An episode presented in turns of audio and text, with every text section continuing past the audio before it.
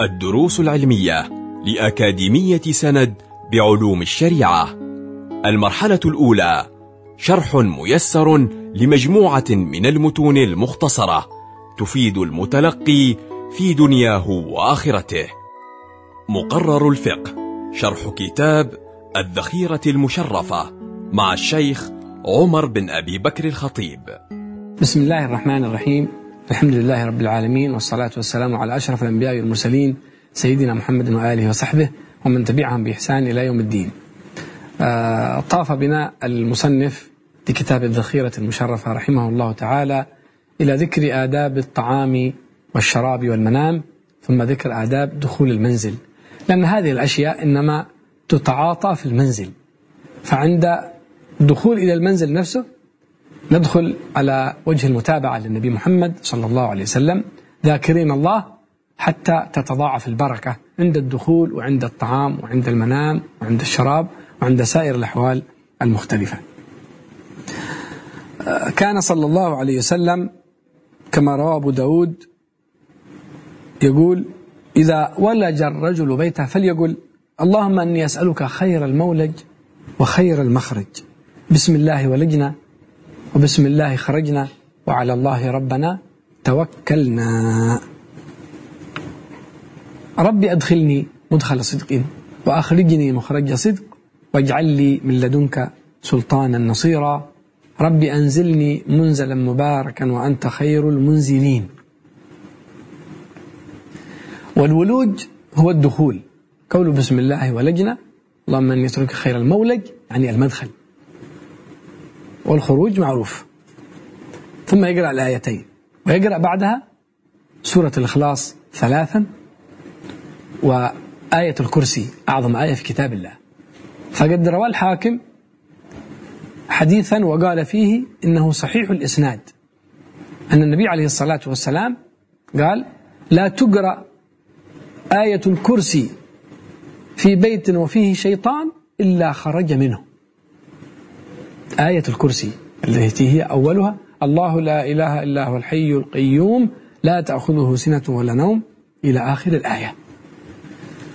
وقد ذكر بعض العلماء أن سورة الإخلاص ثلاثا وآية الكرسي عند الدخول إلى المنزل سببا لانسجام سكان هذا المنزل ولتعاونهم وتفاهمهم ورفع الاختلافات من بينهم. ثم سلم على من تلقى في هذا المنزل. ويسن السواك أيضا عند الدخول إلى المنزل.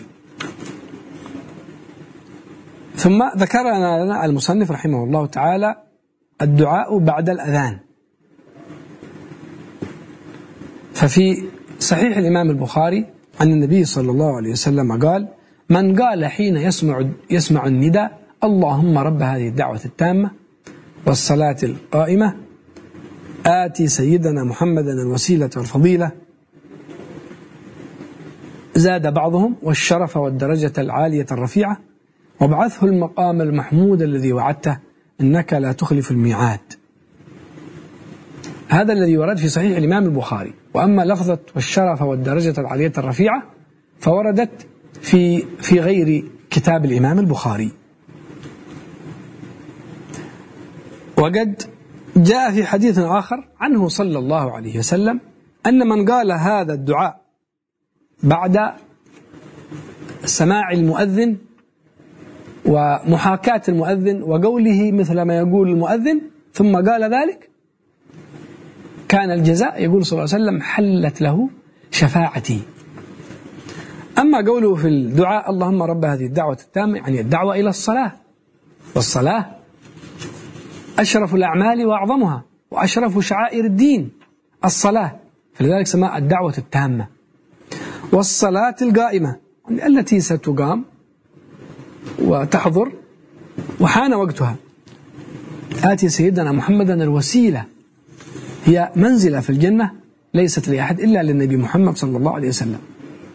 والفضيلة المرتبة الزائدة على سائر الخلائق. وبعثه المقام المحمود الذي وعدته.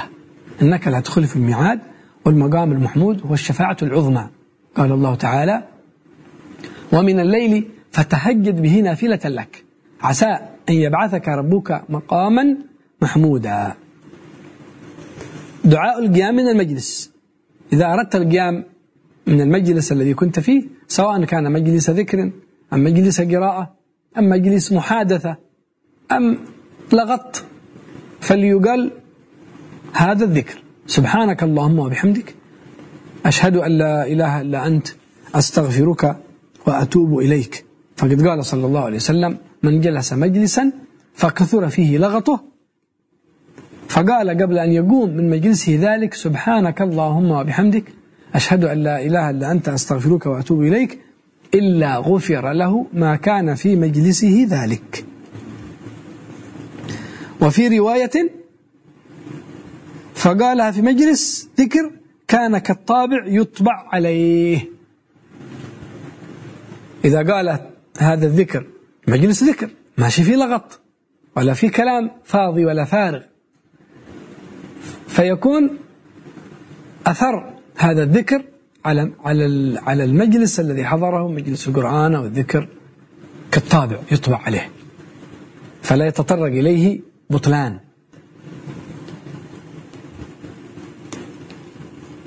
والتسبيح كما علمنا هو اعتقاد التنزيه للذات العلية وذات الحق سبحانه وتعالى عن سائر النقائص.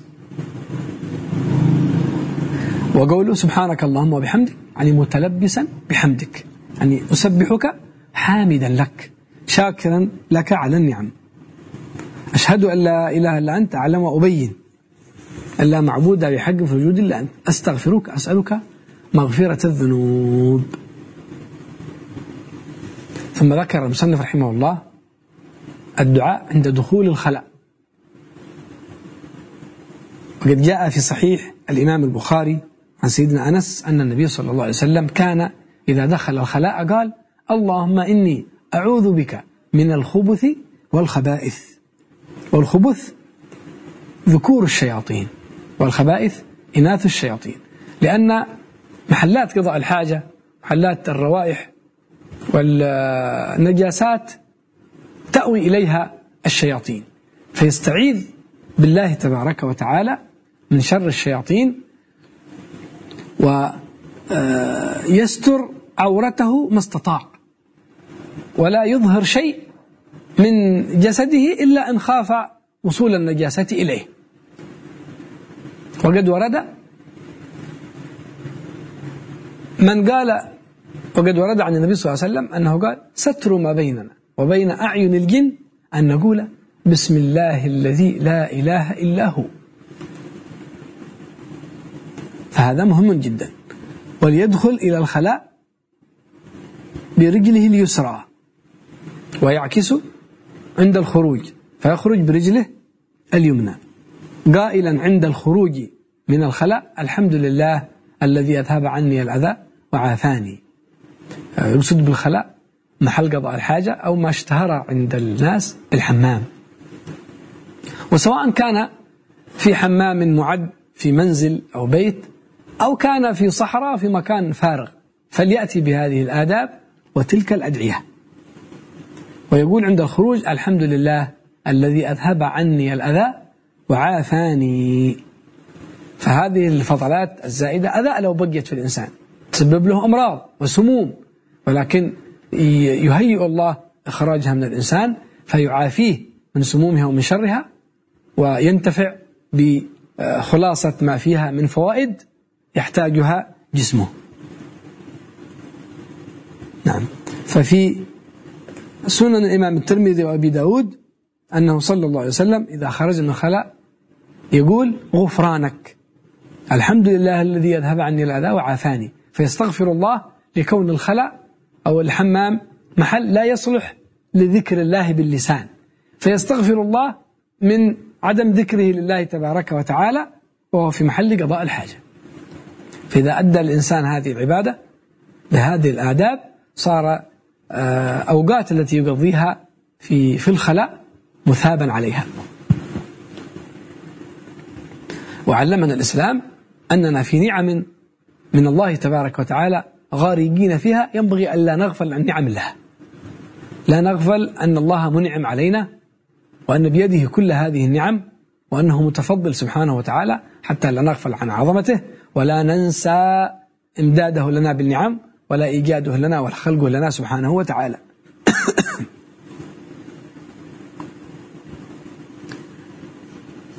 وعند لبس الثوب. الحمد لله الذي كساني هذا ورزقني من غير حول مني ولا قوة. فقد روى أبو داود والحاكم أنه صلى الله عليه وسلم قال من لبس ثوبا جديدا فقال الحمد لله الذي كساني هذا ورزقني من غير حول مني ولا قوة غفر له ما تقدم من ذنبه وما تأخر. ثواب عظيم على عمل يسير. ودعاء لطيف يقوله الإنسان مستشعرا لنعمة الله تبارك وتعالى مقتديا بالنبي محمد صلى الله عليه وسلم يحوز مغفرة من عند الله تبارك وتعالى وهي أعظم ما يطلبه الأنبياء والمرسلون والصالحون مغفرة الله تبارك وتعالى لهم. ولينوي ستر عورته وإظهار نعمة الله تبارك وتعالى ولا يتفاخر بأي لباس يلبسه.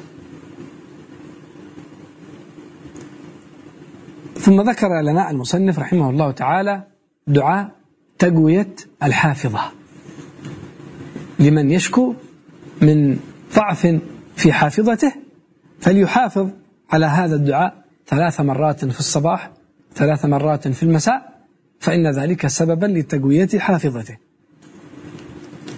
وهو اللهم اجعل نفسي مطمئنة تؤمن بلقائك وتقنع بعطائك وترضى بقضائك.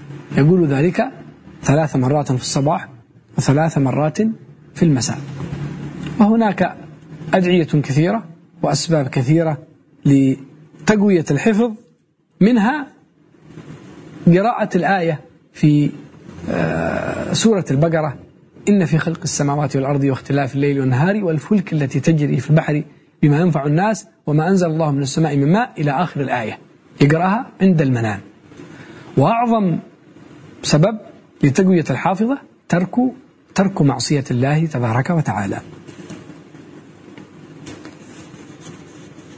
ثم ذكر المصنف ذكر السوق وهذا ما نأخذه إن شاء الله في الحلقة الآتية. نسأل الله تبارك وتعالى أن يرزقنا العمل بما علمنا وأن يعلمنا ما جهلنا ويعيننا على ذكره وشكره وحسن عبادته والإقتداء بنبيه صلى الله على سيدنا محمد وآله وصحبه وسلم الحمد لله رب العالمين. كنتم مع الدروس العلمية لأكاديمية سند بعلوم الشريعة. يمكنكم متابعة جميع الدروس عبر موقع الأكاديمية وتطبيقاتها الإلكترونية. سند علم سلوك دعوة.